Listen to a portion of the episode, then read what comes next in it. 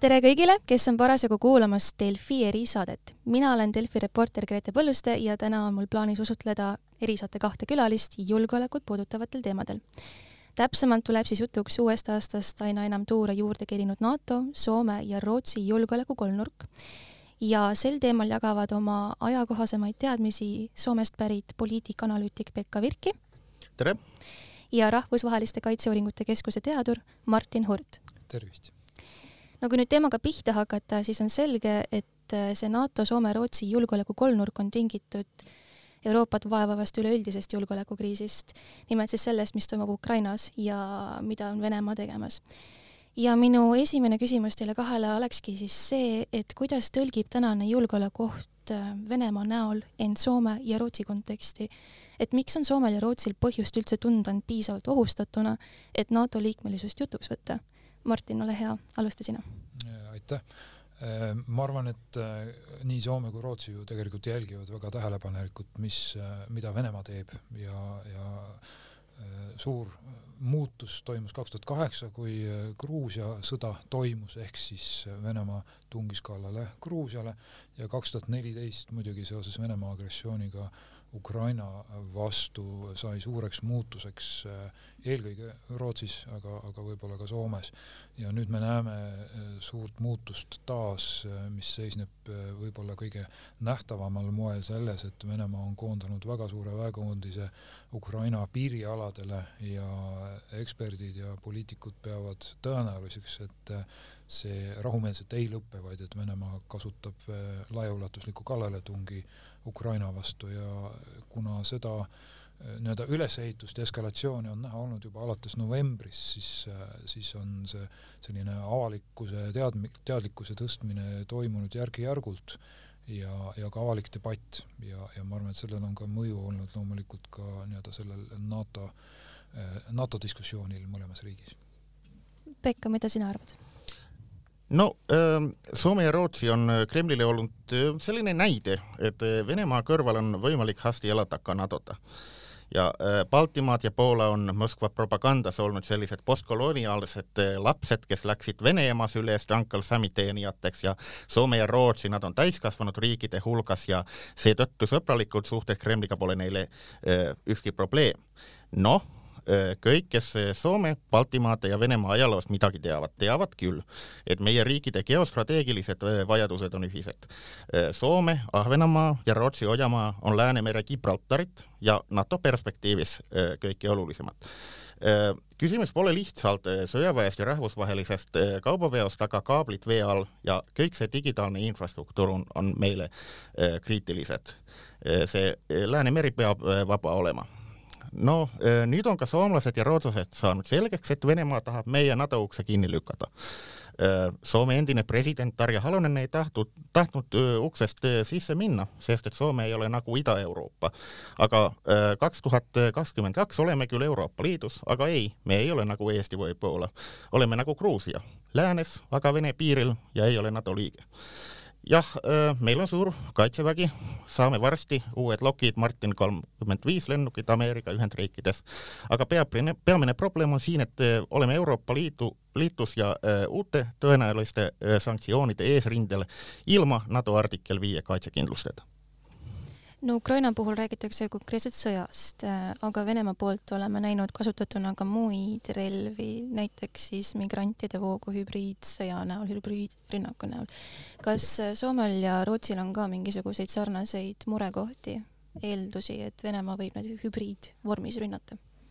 Ma arvan, et see niisugune äh, relvastatud äh, sõjalise kallaletungi lävendi all olevad operatsioonid on, on iseenesest toimunud ja toimumas juba pikemat aega, et küberründed riikide vastu äh, nii-öelda Venemaa poolt äh, toime pandud, toimuvad aastaid, et me räägime iseenesest nagu info kogumisest ja spionaažist, aga, aga räägime ka sellest, et otsitakse nõrku kohti taristus, mida siis vaja, vajadusel hiljem ära kasutada, kaardistatakse strateegilist taristut, kus see paikneb ja võib-olla, mis on uus viimase, eriti jaanuarikuu jooksul, aga, aga ka detsembris on täheldatud, et ikkagi toimuvad sellised nii-öelda laevade ja lennukite liikumised Läänemere piirkonnas, mida varem täheldatud ei ole, sealhulgas ka mehitamata lennuvahenditega. No kui siit edasi liikuda, siis Venemaa on rõhunud minevikus ja rõhub ka praegugi teatud maa-aladele sellist õigust äh, ja põhjendab seda ajalooliste nurkadega. paar huvitavat näidet oleks siis näiteks äh, Sergei Lavrovi hiljutine valik nimetada mõningaid NATO liikmeid Nõukogude Liidu lagunemisest lagedale jäänud orbudeks või siis Vene välisministeeriumi säuts Twitteris, äh, mille kohaselt nemad siis märkisid, et kaheksateistkümnendat jaanuarit tuleks äh, vaadata kui päeva, mil meenutada Ukraina ühendamist Vene impeeriumiga aastal tuhat kuussada viiskümmend neli.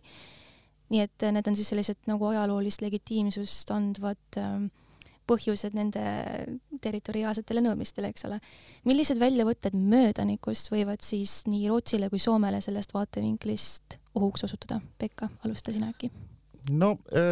Soome puhul peab me mäletama, et olime Vene impeeriumi osa ja meie iseseisvus on ainult kaks kuud vanem kui Eesti iseseisvus. ja Soome on Kremli tsaaridele venelane, olgu see tsaar punane, valge või pruun. ja meil pole suuri ebalojaalseid rahvusvähemusi, aga just nagu Eesti, oleme püha Vene verel vabastatud maa ja rahvas Rootsi, no Rootsi on vana vaenlane Venemaa vaatevinklist, kes tahab Soome, Eesti ja Ingerimaa ise võtta, maarahvalt õiguse suure Vene impeeriumi armastamiseks hävitada. üks Ojamaa operatsioon on väike hind nende vabastamiseks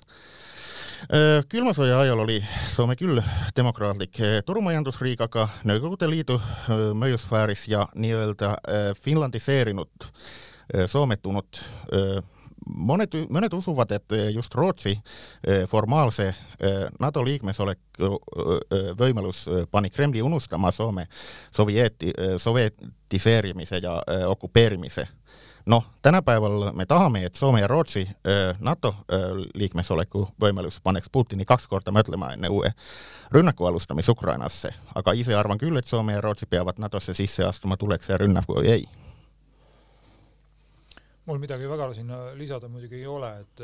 kui rääkida Rootsist, et ega seal mingisuguseid selliseid territoriaalseid lahkhelisid või arutelukohti pole, äh, pole varasemalt olnud, mis täna oleksid nagu relevantsed, et, et kui minna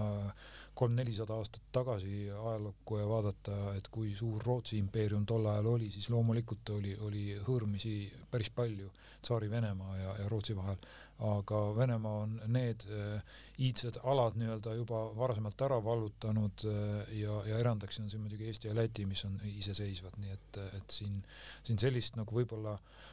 võrdlusmomenti, nagu on Soome ja Venemaa vahel äh, Rootsi puhul ei ole põhjust nagu praegu seda tõstatada. seega hirm Soomes ja Rootsis on pigem Ahvenamaa ja Ojamaa pärast ma arvan, et on äh, jah, aga mitte ajaloolistel põhjustel niivõrd kui, kui, kuivõrd äh, geograafilistel, et, et iseenesest äh, Vene selline operatiivkunst on selles mõttes arenenud, et tehakse ootamatuid asju ja varjatakse neid äh, Äh, arat-, alati väga edukalt, et ka Krimmi hõivamine, kui me lähme ajas tagasi ainult siin, siin kaheksa aastat, et siis, siis see toimus ka üllatusena. et tegelikult see, see suur õppus, mis, mis oli just enne seda ära lõppenud, toimus mõnevõrra teises regioonis, nii et et Gotlandiga midagi sarnast teha, et see oleks selles mõttes Vene operatiivkunsti vaimus, aga, aga see on nii-öelda mõeldav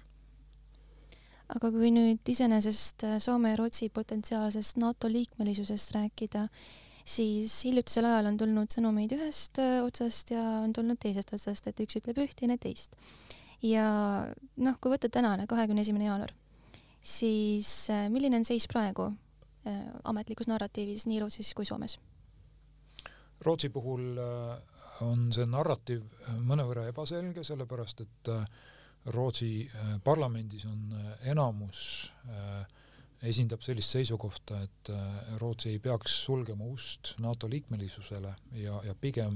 kasutama samasugust poliitikat või narratiivi nagu Soome. aga vähemusvalitsus, mida, mida,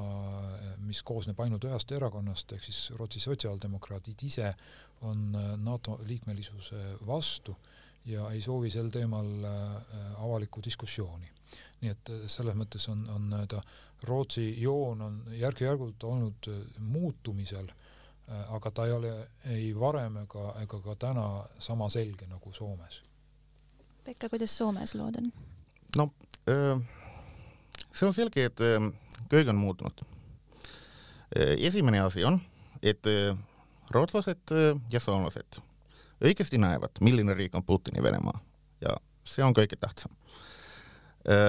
Soomes on inimesed veel ebalevamad, aga vastuseis NATO vastuseis on dramaatiliselt vähenenud ja Rootsis suurem osa juba pooldab, kui vaste saab liikmest astmeks, astumist. see pöördepunkt oli Soome president Sauli Niinistö uue aasta tervitus ja see oli pöördepunkt nii Soomes kui Rootsis. Ja see tervituse järel Soome Rohelised, Soome-Rootsi Rahvapartei ja mõned ehk üllatavalt vasakpoolsed poliitikud teatas oma toetuse äh, selle NATO avaldusele. Äh, koonderakond, parempoolne erakond, kes on olnud äh, küsimuses vaikne, ei olnud enam vaikne ja vabariigi presidendi parimad sõbrad tulid ka kapist välja. ja põlissoomlased ja Keskerakond, põlissoomlased on nagu Soome EKRE, Keskerakond on noh, see pole nagu Eesti Keskerakond, aga nad on veel teisel poolel. aga näen ise, et palju erutust on ka nende hulgas. ja kui võtta nüüd Sanna Marini eilne avaldus, kus ta andis märku, et tema ametiajal NATO-ga liitumist Soomel tõenäoliselt ei ole, siis mida sellest arvate? ma saan aru, et see tekitas Soomes päris palju pahameelt meedias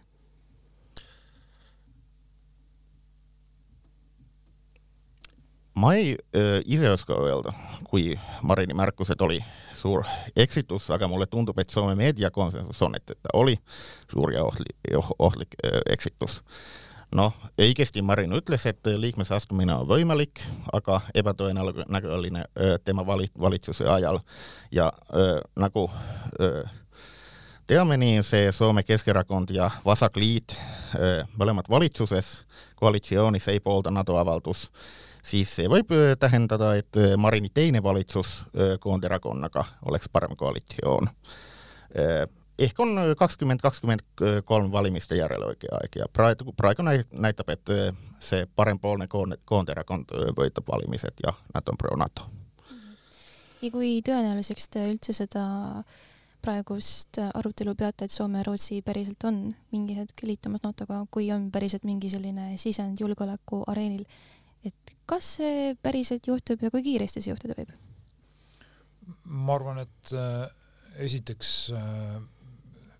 mis see siis oleks, mis, mis äh, viiks selleni, et Soome või Rootsi või mõlemad otsustavad, et nüüd on õige hetk, et see, kui me räägime relvastatud kallaletungist, siis ma ütlen, et, et NATO liikmelisus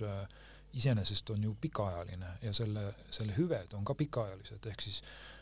kui oleks Soome ja Rootsi liitunud üheksakümnendatel, siis nad oleksid täiesti integreeritud äh, ja nii NATO oleks harjunud, et sellega, et tal on kaks uut liikmesriiki, kui ka need kaks liikmesriiki oleks siis harjunud oma NATO liikmelisusega, äh, kaitseväed oleksid oluliselt paremini integreeritud, kui nad seda täna on. et sellist nagu kiiret astumist ma, ma ei näe, et sellel ka mingisugust kasu oleks. nüüd ta ei ole ka võimalik eh, iseenesest, sest loomulikult on, on Soome ja Rootsi aastakümneid teinud NATO-ga väga tihedat koostööd, väed on interoperabiilsed, eh, väga, väga hästi välja õpetatud, varustatud ja nii edasi, et selles ei ole küsimus. pigem on küsimus selles, et kas see A, see avalik toetus NATO liikmesusele on piisav, sellepärast et kui, kui tuleb riik, ütleb, et ta tahab liituda ka NATO-ga, aga, aga avalik selline toetus sellele liitumisele on väga madal, siis ei pruugi teised NATO liikmesriigid olla huvitatud sellest, et seda riiki pardale võtta. võib-olla äh, olulisem mitte isegi probleem, vaid tõsiasi on see, et äh, liitumist tuleb heaks kiita praeguste liikmesriikide parlamentide poolt ja parlamente on väga raske survestada selles suunas, et kui te tavaliselt teete midagi pooleteise või kahe aasta jooksul, et siis palun tehke nüüd kahe nädalaga. et, et need on sellised võib-olla tõsiasjad, et, et see on täiesti võimalik, et Soome ja Rootsi on viie või kümne aasta pärast NATO liikmesriigid. aga, aga ma arvan, et see ei pruugi olla mõistlik seda kõike ette võtta siis, kui, kui on vallandumas sõda. ja just nimelt see, et äh, nende liikmelisuse soov peab käima läbi NATO liikmete endi parlamentidest. Kas seal kohal võib ka Venemaa mõjutustegevus mängu tulla, et hakatakse lobitööd tegema, omakorda selle kaudu NATO-t lõhestama? jaa, aga ma ei dramatiseeriks seda võib-olla ka üle, et ühest küljest lobitööd teevad kindlasti need riigid alati, kes tahavad liikmeks saada. et kui me vaatame täna Ukrainat ja Georgiat, siis, siis need riigid on teinud lobitööd pikka aega, et nad saaks NATO liikmeks. samamoodi teevad lobitööd need NATO liikmesriigis, kes tahavad, et, et võetakse uusi liikmeid äh, pardale. aga täpselt samamoodi on ju ka loomulikult nii, et äh, Moskval on võimalik ära kasutada oma kontakte ja, ja siis äh, võib-olla selliseid lojaalsemaid otsuse tegijaid teiste riikide pealinnades, aga siin ma võib-olla ei tooks välja ühtegi konkreetset riiki, vaid pigem tõdeks seda, mida on ju teada, et et osadel erakondadel NATO liikmesriikides on, on väga tihedad seosed äh, Moskvaga ja kes on laenanud raha äh, Vene pankadelt ja kellel on äh, mingisugused muud tihedad poliitilised seosed, need kõik asjad lähevad mängu, juhul kui on vaja, kui, kui Soome ja äh, Rootsi liitumine NATO-ga peaks muutuma aktuaalseks. aga see tingimata ei tähenda seda, et see konkreetne riik, äh, kus siis nii-öelda korrumpeerunud erakond on, et see suudab, see sel juhul otsustaks seda asja kuidagimoodi blokeerida nii, äh, Soomes spekuleerivad inimesed äh, palju Türgi ja Ungari äh, käitumisest, aga ma ei usu, nad on suur oht. Türgi-Venemaa suhted on skitsofreenilised ja Ungari on väike, väike maa. jah, formaalne õigus neil on, see on selge, aga kas tõesti on poliitiline motiiv, seda ma ei usu. arvan, et kõige suurim oht võib olla Prantsusmaa ja see pole suur Äh, aga teame, et Le Pen ja Zemmour on venemeelsed. Äh, Valeri Pécresse, äh, kes võib Macroni juba teisel võõrul võita, on kultuuriline russofiil ja Francois Filloni meeskonna endine liige, aga seda ma ei tea, kui ta on Putinist ja Kreml-meelne või ei siin on muidugi, ma lihtsalt kommenteeriks ka, et ega siin ei pruugi olla otsest seost Moskva või konkreetse poliitiku või erakonna vahel. siin võib olla, kui me räägime, arutame Prantsusmaad, Prantsusmaa äh, Äh, praegune president on rohkem huvitatud sellest, et Euroopa Liitu tugevdada kui NATO-t ja igasugune samm, mis tugevdaks NATO-t, ei, ei äh, räägi kaasa sellele agendale, et, et Euroopa Liitu tugevdada, nii et see võib ka olla põhjus, miks äh, kuidagimoodi venitada ja mitte soodustada NATO ja Soome vastuvõtmist NATO-sse. no sinna juurde läheb ideaalselt see Macroni hiljutine ütles, et tuleks äh, riigiti ajada asju Venemaaga, mitte läbi NATO võib-olla või noh, vihjas sinna suunas ju, et äh, see kindlasti ei mänginud kaasa NATO ühtsuse projitseerimisel. jah, et, äh, et see on, see, see on nii, et noh, ütleme nii, et eesmärk tema puhul oli ilmselt nii-öelda tuua välja ka, et, et Euroopal on oma seisukoht, aga, aga tema narratiiv on siis see, et see Euroopa seisukoht ei ole kujunenud äh, iseseisvalt, vaid et äh, arutelud NATO sees on siis liiga, tema seisukohast ilmselt liiga mõjutatud USA poolt.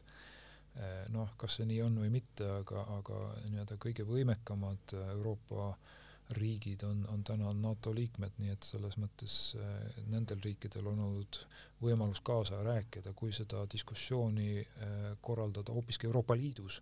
siis jah, seal on äh, Soome ja Rootsi, aga seal ei ole näiteks Suurbritanniat, kes on väga oluline Euroopa riik ja tuumariik, nii et selles mõttes Euroopa ei ole kindlasti mitte Euroopa Liit, et need, neid, nende kahe vahel ei ole võimalik võrdusmärki kirjutada no esmaspäeval, kahekümne neljandal jaanuaril äh, kohtuvad siis Soome ja Rootsi välisministrid ja NATO peasekretär. mida sellest oodata võib? noh äh,, arvan, et välisministrite külastusel Brüsselis pole veel avaldusega, avalduse avalikustamisega tegemist, aga see näitab, et oleme teiega ja oleme valmis jah, ma ütleks ka, et see on poliitiline signaal sellest, et NATO ja, ja Soome ja Rootsi teevad tihedat koostööd. Et seda tuleb sellisena näha, aga ma arvan, et see ei ole ka Venemaale üllatus, et Venemaa vaatabki eh, Soomet ja Rootsit kui lääneriike, mitte kui selliseid eh, neutraalseid hulpivaid kuskil nii-öelda täiesti mitte millestki sõltuvaid riike, vaid, vaid koostöö NATO-ga on nii tihe olnud juba üheksakümnendatest, et, et siin ei ole selles mõttes kahtlust, kas, kuhu leeri Soome ja Rootsi kuuluvad no nüüd võib-olla aeg kokkuvõteteks siis selle kõige najal, mis me rääkinud oleme, et äh, mida soovitaksite teie hetkel Rootsi ja Soome võimudel NATO küsimuses ette võtta ja millist joont hoida?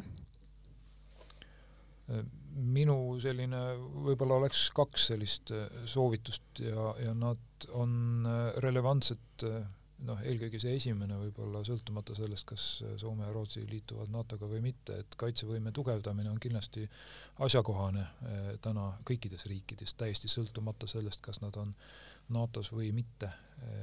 Et, et see on oluline, eriti kui me, kui me nüüd mõtleme, et ka Rootsi tahaks liituda NATO-ga, siis eh, üks tugev argument, mis räägib selle äh, selle vastu täna on see, et Rootsi tegelikult ei ole piisavalt arendanud oma kaitsevõimet, ka